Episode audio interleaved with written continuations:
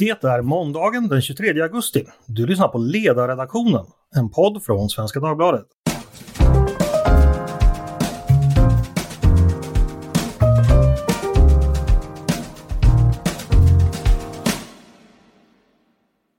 Så gjorde Stefan Löfven det igen.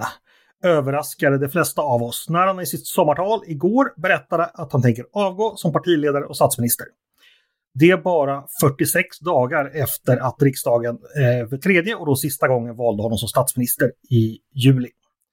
Och med mindre än ett år före riksdagsvalet lämnar han alltså över till sin efterträdare, vem det nu blir. Vad betyder nu detta? Varför gjorde han som han gjorde? Vad betyder det för partiet? Vad betyder det här för Sverige? Och vem kommer efterträda honom? Det är förstås ämnet för dagens podd och med mig för att bringa reda i de här frågorna har jag tre kloka gäster. Daniel Svedin, politisk chefredaktör på tidningen Arbetet och även en tidigare medarbetare till Stefan Löfven. Välkommen hit! Tackar! Och Stig-Björn Ljunggren, eh, statsvetare, mångårig tyckare och politisk chefredaktör på Sydöstran. Välkommen hit! Tack så mycket! Tack, tack! Och min kollega Peter Wennblad, eh, kollega på ledarredaktionen där han också är biträdande chef. Välkommen hit Peter! Tack så mycket! Ja, vi drar väl igång direkt med det första spörsmålet. Daniel, hur förvånad var du när du, eller du visste kanske om det här på förhand? Eller? Nej, jag är out of the loop nu så att jag får inte veta någonting längre. Nej. Eh, så att jag blev eh, väldigt förvånad, eller väldigt förvånad. Jag blev förvånad. Jag hade tänkt att han skulle sitta över valet faktiskt, precis som han hade sagt. Och det är liksom det, eh, när jag var i statsrådsberedningen så var det så man pratade om att, att det här kommer bli eh, eh, inte från han själv, men liksom alla, alla var nog inställda på att det är så det kommer bli ungefär. Att han tar, han tar valet 22 och sen, sen går han. Så att, eh, jag, är, jag blev överraskad. Varför tror du han har ändrat sig? Eh, jag tror... Eh, ja, men det, man, man, får ju lita på det han sa. Det var han väldigt tydlig med på pressträffen igår. Att ni måste lita på det jag säger. Att det här beskedet, eller insikten har på något sätt mognat fram. Men jag tror faktiskt att han eh, våren eh, tog bort lite glädjen från från politiken för honom. Att det finns någonting... Eh, politiken som den är idag är ju ganska... Ja, men, den är, det är mycket markeringar i sanden, röda linjer, man ska göra, eh, ja, ge varandra näsbrännor och sådär. Han har väl aldrig riktigt känt sig hemma i det, tror jag. Eh, och, men han har kunnat hantera på något sätt att eh, folk inte litar, eller att eh, han inte kan lita på oppositionen när man gör uppgörelser och sådär. Och att ja, de kommer bete sig på ett sätt som han inte riktigt är van vid att man gör. Men eh, Vänsterpartiet har väl också manifesterat att de inte litar på honom när han säger att det blir inga marknadshyror. Och så mm. säger de jo, men det kommer det visst bli. Eh, och sen orkar han väl helt enkelt inte ta en höst till som ska vara på det där sättet. Nej, han har, han har helt enkelt uh, ruttnat kan man säga. Eh, Stig-Björn, ja, vad tror du? Varför av, avgår Stefan Löfven nu?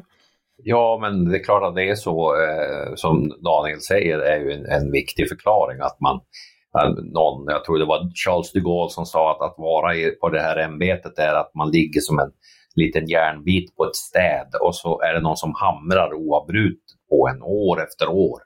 Och till slut så spricker det. Ehm, så, så, men sen är det ju naturligtvis så att, att för att det, någonting ska mogna så krävs det också eh, vissa så att säga, inslag i, i omvärlden och i det här fallet så handlar det om att man eh, verkar gå rätt tryggt mot ett, ett Eh, ett förlustval eh, där man förlorar regeringsmakten slutgiltigt. Mm. Det är klart att det spelar in i den här eh, ekvationen och där väljarna Uh, oavsett hur det går liksom för landet, va, det kommer, kanske, kommer nog antagligen se rätt bra ut om ett år. Va? Men folk vill ha ny, nya företrädare och, och, då byter man ut sittande regering så alltså, oavsett vad de åstadkommit. Uh, nu behöver inte väljarna eh, titta efter något annat parti för här kommer det att finnas ett, ny, ett nytt eh, eh, nya frontfigurer. Va? Så att eh, på så sätt löser man ut den här ekvationen rätt bra. Och tillika är det väl så att hade det då blivit ett förlustval hade han avgått på valnatten och så hade han eh, då startat en, eh, alltså ett eh, parti i opposition. Va? Kom, och med den så att säga, porösa struktur som socialdemokratin har fått så, så hade det blivit hela havet stormar. Det undviker man också nu för nu kommer det bli en kort och koncis process. Just det, precis. För det, det, blir ett protestval då 2022, men om den man protesterar mot inte infinner sig utan det dyker upp två oppositionspartier så, så förbättras chanserna. Förbättras, ja. Det, det, men det liksom själva problematiken kvarstår. Skjutningarna kommer att fortsätta, eh, problemen på arbetsmarknaden, vad you name it. Mm. Så, så, att, så att det, det förändras ju inte Nej. speciellt mycket.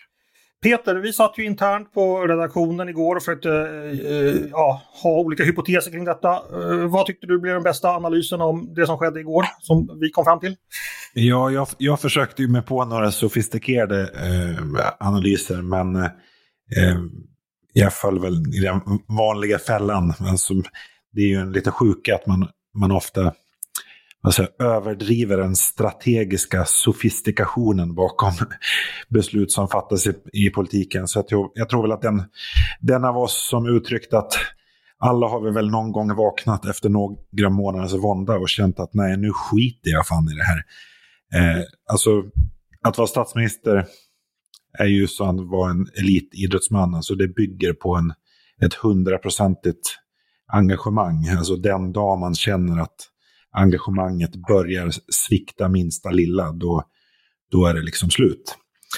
Sen med det sagt så tror jag att när Stefan Löfven drabbades av den, den känslan att eh, när han gjorde en djupare analys så kanske han konstaterade att det fanns en del andra goda rationella och maktpolitiska eh, argument för varför det var rätt att gå nu. Mm. Eh, Daniel, vad tänker du om beslutet? Vad betyder det för partiet? Hur bra eller dåligt blir det för efterträdaren att eh, komma in tio månader före ett riksdagsval? Nej, men jag delar väl egentligen Torbjörns analys där att det, det bästa för partiet är väl egentligen den här snabba processen, att man inte liksom utlöser de typ av konvulsioner som man såg efter att eh, Persson lämnade och efter att eh, Salin lämnade. Att det, ja, det kommer vara en ganska snabb process. Däremot så kan man ju eh, ja, det, opinionssiffrorna är väl det egentligen som man vill ha med sig på riktigt när man, när man byter partiledare. Att, eh, ungefär som Vänsterpartiet gjorde, att de kom från en stark position och ökade. Eh, man leker ju alltid med den risken att ja, det kan bara gå sämre. Eh, eller åtminstone att, att väljarna på något sätt är harmoniska med, med partiet, eller att ja, väljarna känner, eh, stöttar partiet. Eh, Lite som ja, men tidigare, ännu längre tillbaka, eh, partiledarutbyten. Men jag tror inte att det är något jättestort problem egentligen för partiet att man har den här korta tiden på sig. Eh, tecknen är ju tydliga vilka, vem, vem man vill ska se. Ja, precis. Hur, hur väl, hur väl är, är gräset krattat för efterträdaren? Har Löfven tänkt sig ett väldigt ordnat eh, maktövergång där man det så att säga inte blir ett öppet race och interna stridigheter utan man ja, överlämnar befälet under god ordning så att säga? Ja, det är väl så det brukar gå till. Alltså det som skulle kunna stöka till det är väl att det finns någon, eh, någon, någon, av de här personerna kring reformisterna nu som jag ser pratar om att man vill ha ett öppet och demokratiskt mm. eh, ledarskap och att det måste ske under någon sorts eh, ja, men öppenhet för att det vinner med en le demokratisk legitimitet. Eh, och det tror jag inte att någon från partiledningen egentligen kommer tillmötesgå, utan då får man väl själv, eh, Daniel Suhonen kanske själv då får säga att jag, jag kandiderar för att få ut andra på banan. Mm. Eh, annars så tror jag att det kommer vara liksom, ja, en, en tyst och välordnad process. Och övergången blir då till Magdalena Andersson, som många spekulerar?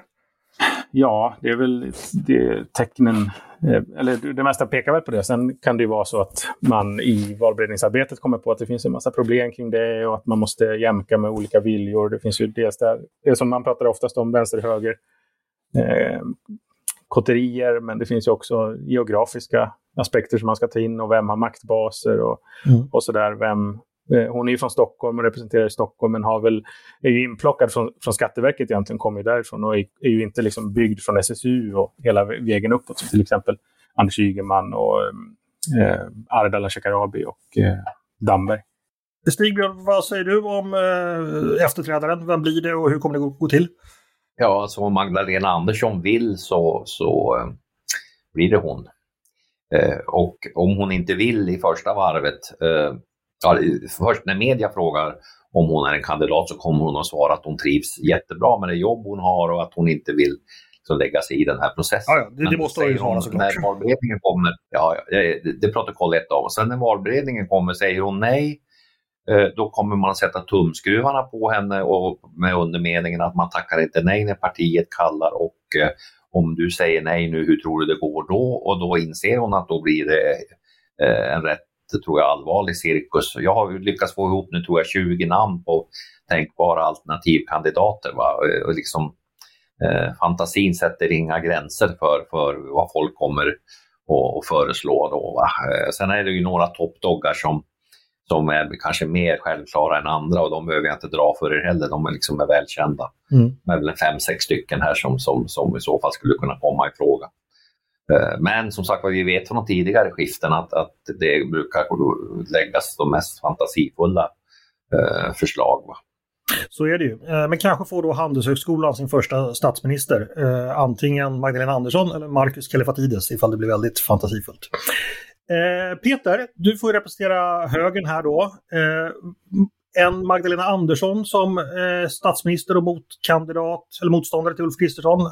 Vad betyder det? Ja, det kommer bli en tuffare valrörelse för ur ett borgerligt perspektiv. Alltså, jag skulle säga att Magdalena Andersson är en svårare motståndare i en valrörelse än, än Stefan Löfven. Mm. Vi har ju pratat lite om det, att Löfven är ju inte kanske den riktiga valkampanjmannen liksom, där man vill ha när det, när det hettar till. Liksom. Nej, man har, eh, apropå det här med att man måste vara motiverad, liksom hundraprocentigt motiverad eh, för att ha ett sånt ämbete som statsministerposten och att vara partiledare.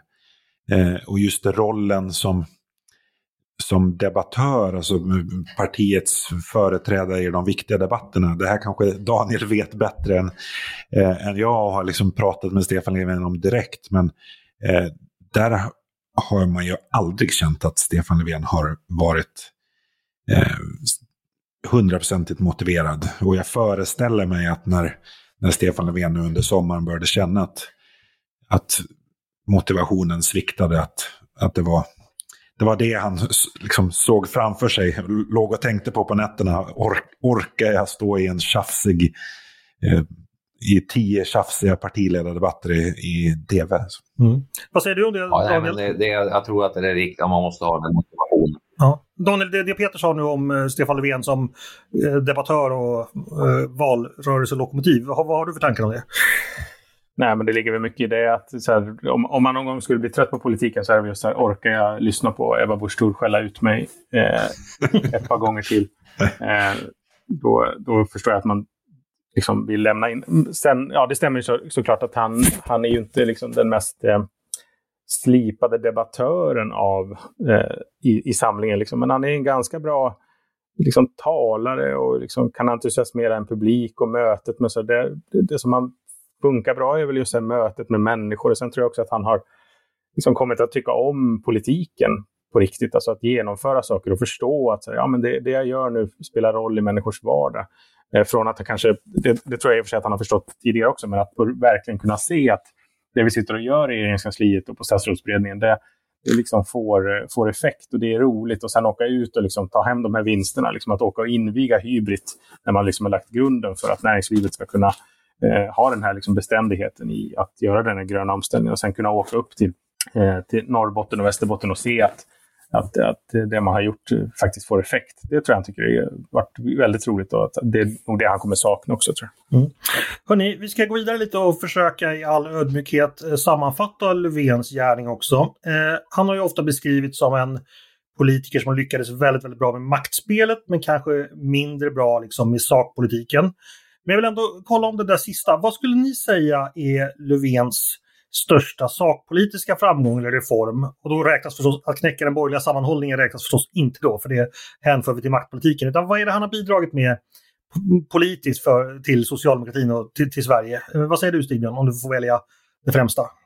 Nej, men det är ju det som ni ingen mer än jag ser i stort sett och det är ju den här eh, stora reformen på arbetsmarknaden som, som den här debaclet kring LAS ledde fram till. Alltså att staten tillsammans med arbetsmarknadens parter eh, nu ska sjösätta en, en reform, stor reform, dyr reform, som gör att vi får en modern arbetsmarknad med en kontinuerlig kompetensutveckling av arbetskraften.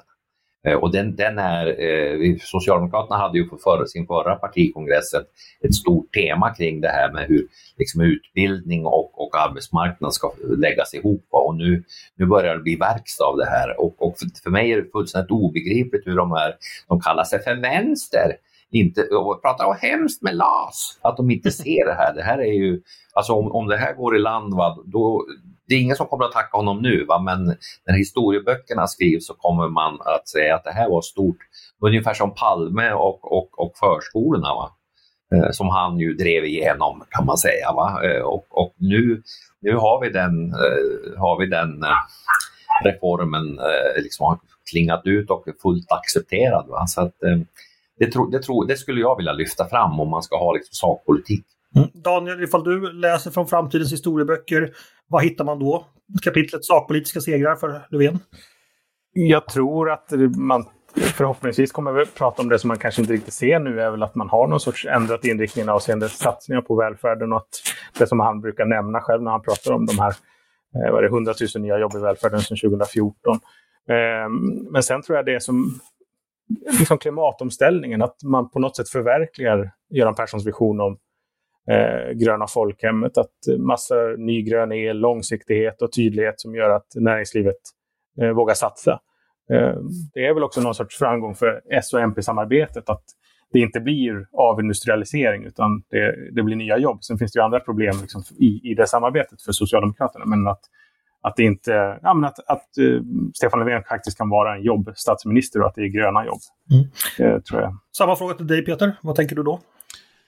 Ja, min spontana tanke är att jag vet inte. Men, det kanske säger mer om mig än om, om Stefan Löfven. Men jag tror att det ligger mycket det som Stigbjörn säger med, alltså att i det här debaclet om, om LAS så försvann de där vad säger, viktiga socialdemokratiska delarna av, av eh, den reformen.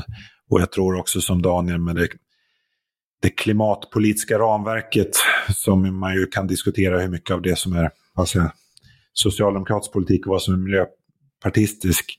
Alltså man kan ha olika uppfattningar om, det, om klimatpolitiken men, men det, ju, det, har ju fått... Det, det sätter ju tonen för hela den liksom klimatpolitiska diskussionen och, det, det eh, och kommer ha, ha återverkningar för liksom sty, styra det klimatpolitiska samtalet i Sverige för många år framåt och även vilken politik som genomförs. Alla måste förhålla sig till det. Mm.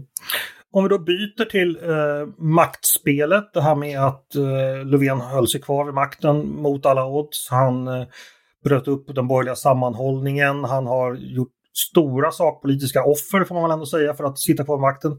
Vad, hur ska vi utvärdera det Stigbjörn? Jag vet ju att det ligger i socialdemokratiskt DNA att regeringsinnehavet är någonting väldigt viktigt. Men eh, det, har det varit självklart att göra så? Eller det finns ju de som säger att man hade kunnat gå i opposition, men hade det varit re, re, naturvidrigt för, för partiet? Hur tänker du kring det? Har han gjort rätt som har satt makten före de ja? Ja, ja. Jo, men alltså för socialdemokrater så är ju maktinnehavet oerhört viktigt och det är för att de är det statsbärande partiet och de vet att, att, att genom att ha makten så kommer man också kunna påverka tusentals till synes småfrågor, men där summan av allt det här ändå ger en färdriktning. Så att, eh, och, och sen finns det då en massa oskulder som tycker att, att, att politik så ska man ju bara eh, ta makten om man får igenom precis allting man vill. Va? Eh, och och de, sådana brukar inte ha någon större framgång. Och jag har ju vid något tillfälle eh, sagt att, att eh, sossarna kan sälja sin gamla morsa inför floden va, för att få makten. Mm. Och, och, då citerar folk det, men de citerar aldrig min fortsättning. Nämligen att de gör detta för att de ska köpa tillbaka henne sen när de här omständigheterna eh, är, har, är överståndna. Mm. Alltså det finns en... Poängen är sossarna kompromissar, men de gör det oftast inte eh, på ett sådant sätt att de glömmer bort vad som är liksom de långsiktiga strävandena. Och här har vi ju just det här som jag nämnde med kompetenspaketet på arbetsmarknaden. En gammal hederlig politisk eh, strävan från Socialdemokraterna och inte minst från fackföreningsrörelsen. Va? Och få, liksom, få, få återupprätta arbetsmarknadspolitiken. Och, och det, det, det, hade man inte lyckats med om man hade eh, slängt ifrån sig alla papper och sprungit ut tjutande va? och viftat med små röda flaggor. Att det här accepterar vi inte. Eh, så att, eh, nej, och, och politik, är, det, detta är ju det som Lenin sa, va? den som vill hålla på med politik, det är inte som att gå på, på Nevskij prospekt, att man bara går rakt fram, utan det måste vara lite krumbukter. Mm. fick in Lenin också. Eh, Daniel, vad, vad, tänker du om det här? Är, är, det självklart för en socialdemokratisk statsminister att eh, ja, sälja mormor ifall man kan köpa tillbaka henne sen och eh, så att säga eh, byta bort en hel del saker för att regeringsinnehavet helt enkelt är så viktigt?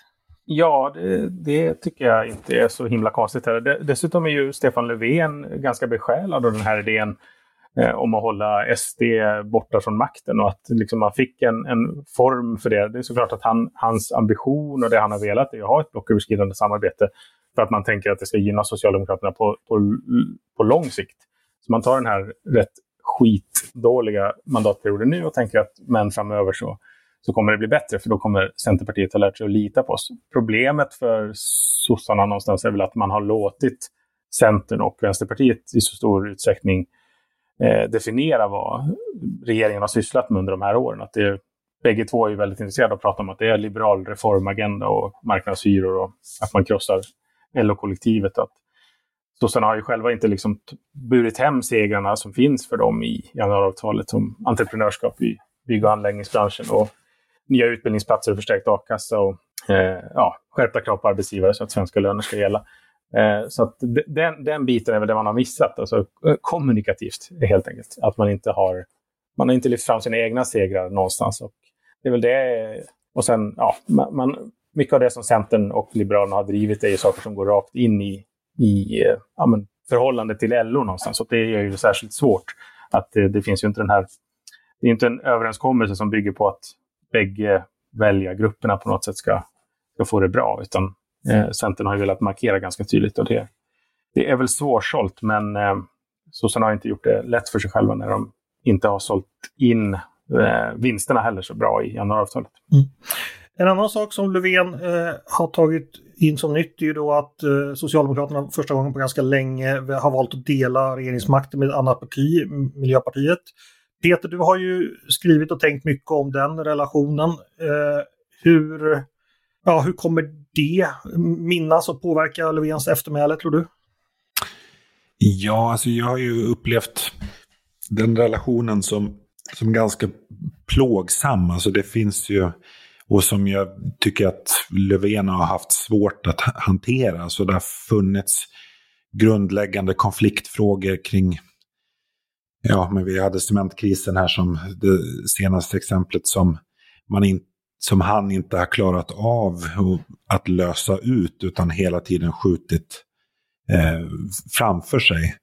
Eh, så att en fundering som, Eh, som jag har, det är ju liksom hur nästa partiledare för Socialdemokraterna tänker kring, kring regeringssamarbetet med Miljöpartiet. Alltså det är inte, det är inte givet att de två partierna ska sitta i regering tillsammans och kanske inte heller nödvändigt. Alltså de övriga förändringarna av spelplanen gör att Socialdemokraterna skulle ju kunna gå till val och söka ett mer öppet mandat eh, för, för nästa mandatperiod.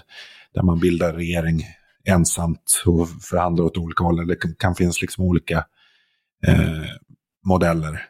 Men med tanke på att, med tanke på att de, Miljöpartiet och Socialdemokraterna nu har regerat ihop så pass länge så tycker jag att relationen är förvånansvärt konfliktfylld och att det är förvånansvärt många väldigt centrala frågor som man fortfarande inte har klarat av att lösa ut. Mm.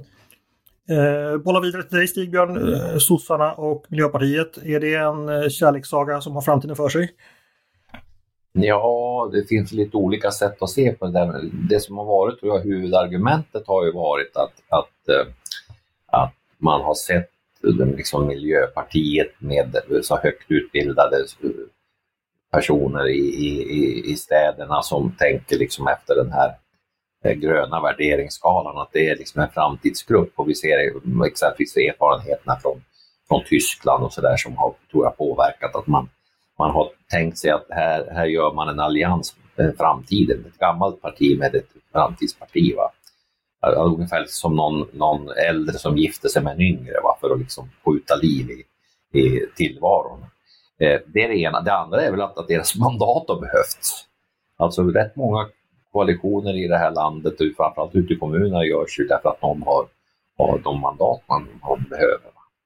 Eh, men sen är det klart att det finns ju en grundläggande motsättning här mellan då eh, den tillväxtinriktade eh, politiken och de som, som ser andra värderingar. Va? Men den, den skär ju även in i socialdemokratin.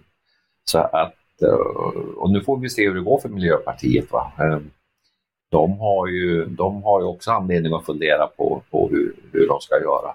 Alltså den vägval de har valt är ju att, att, att um, eh, vara realister va? och försöka göra det de kan göra inom ramarna för, för det här eh, systemet. Och nu när allting då, när plötsligt alla blir gröna och, och vi ska ha det här hållbara samhället och så, då, då, blir inte de belönade för det här. Va? Så i den meningen så kan man ju säga att Socialdemokraterna Eh, de behöver inte ha Miljöpartiet för att få trovärdighet till, till ja, den här nyindustrialiseringen som, som Daniel pratade om är ju otroligt intressant. Att till och med Vänsterpartiet har börjat skriva om behovet av att satsa på industrin, liksom i den traditionella meningen. Eh, så att, så att ja, eh, jag, jag tror inte att det händer någonting liksom inför det här valet, men på lite sikt om Miljöpartiet kommer in i riksdagen så får vi väl se vad som blir den nya koalitionen. Mm. Ja, det finns ju ett annat grönt parti man kan samarbeta med också ifall man ja. känner för det. Ja men, ja, men man ska ju komma ihåg också att när, när Socialdemokraterna på allvar krokade arm med Miljöpartiet, det var ju ett läge när Miljöpartiet inte alls var så säga, låsta till, till vänstersidan i svensk politik som man har blivit nu. Alltså då, då fanns det ett migrationspolitiskt samarbete med den borgerliga regeringen i, i färskt minne. Alltså, Miljöpartiet hade ett annat manöverutrymme än, äh, än man har nu. Mm. Och det är egentligen samma sak med, med Centerpartiet. Centerpartiet har ju också betydligt mindre de har ju låst sig väldigt hårt med, i den position där de är nu. Eh, Daniel, bara kolla med dig. Eh, relationen till Miljöpartiet, hur har den spelat ut tycker du? Och... Alltså, Stigbjörn har helt rätt i det. Att när, när de liksom sökte det samarbetet så var det väl just att nu, nu har vi liksom en rörelse som har historien med sig och står för eh, ja, välfärd och jämlikhet och sen den här liksom framtidsinriktade eh, rörelsen som eh, Miljöpartiet skulle vara. Problemet för, för sossarna tror jag kanske inte varit så mycket eh, Eh, egentligen tillväxten och mm, alltså miljöpolitiken och klimatpolitiken egentligen. Utan där har man nog, ja, det finns vissa, vissa saker men, så, som, som har skavt det, men att när det dykt upp frågor som migrationspolitiken och eh, kriminalpolitiken, att där blir liksom samarbetet egentligen svårare. Och det trodde väl kanske ingen när man eh, ingick den här, när man bildade den här regeringen, att de, de frågorna skulle få så stort utrymme. Eh, för där finns det ju konflikter på riktigt, där liksom, eh, Miljöpartiet är ett mycket mer progressivt, eh, liksom, liberalt och eh, individualistiskt parti än vad Socialdemokraterna är. Att det är svårare för dem att eh, hitta samsyn där egentligen än, än eh, i klimatpolitiken. För där kan man alltid hitta trade-offs på något sätt. Det är svårare med liksom, ja, lag, lagstiftning och repression. Det, den relationen är klurigare, upp, uppfattar jag det som. Mm. Eh, vår tid håller på att rinna ut. Jag tänker bara som en sista fråga som ni alla ska få svar på. Eh, finns det någonting kring Stefan Löfvens person eller gärning som ni tycker är lite underrapporterat som eh, ni själva har tänkt på som ni skulle vilja lyfta fram ifall ni fick chansen? Vad skulle du säga Stigbjörn?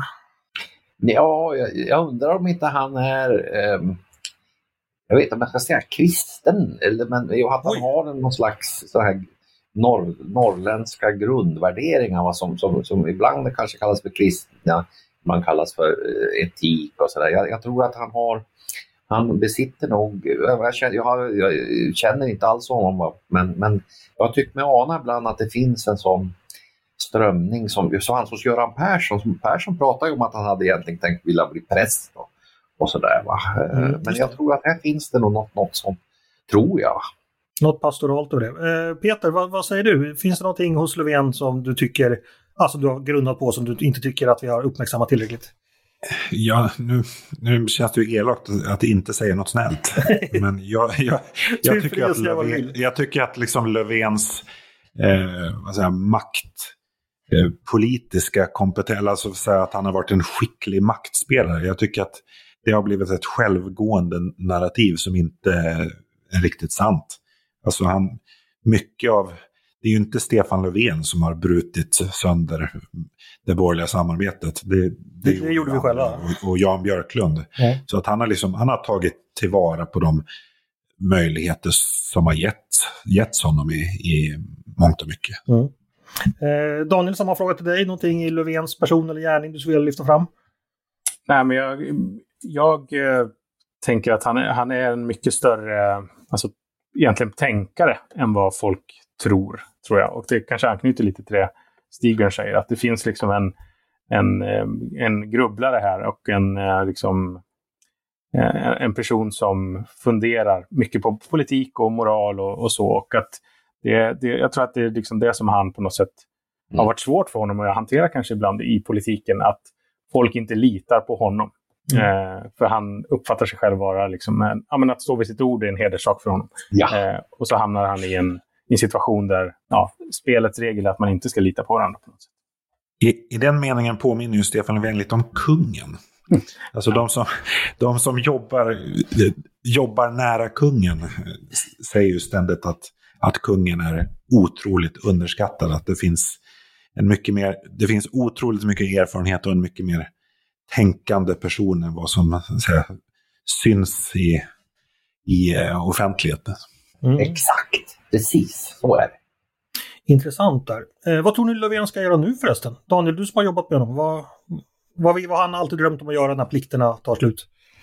Eh, nej, men det, jag tror ju, alltså, han var ju egentligen färdig för, för pension efter att han var, hade varit IF Metallare och liksom leva livets glada dagar med Ulla.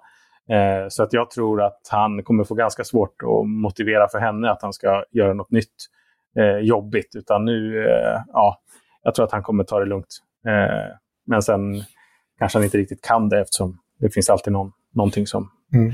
kallar på hans, pockar på hans uppmärksamhet. Men eh, en lång och eh, välbehövlig semester med Ulla är nog det första han tänker. Ja. Vi får önska honom en trevlig semester. Eh, stort tack för att ni var med alla tre. Daniel Svedin, Stig-Björn Ljunggren och Peter Wemblad. Tack, tack! Tack! tack. Hej då! Eh, och innan jag tackar er som har lyssnat för idag ska jag också passa på att tipsa om att eh, det finns fler poddar på Svenska Dagbladet. En heter Dagens Story. Där får man på en kvart varje dag en fördjupning i ett aktuellt ämne. Jag vet inte vad de pratar om idag, men man kan ju misstänka att det kanske handlar om Löfven där också. Men det ni lyssnar på nu, det är Ledarredaktionen, en podd från Svenska Dagbladet. Hör gärna av er till oss på redaktionen med tankar och synpunkter på det vi precis diskuterat. Eller om ni har idéer och förslag på saker vi ska ta upp i framtiden. Mejla då till ledarsidan svd.se. Dagens producent heter Jesper Sandström. Själv heter jag Andreas Eriksson och jag hoppas att vi hörs igen snart.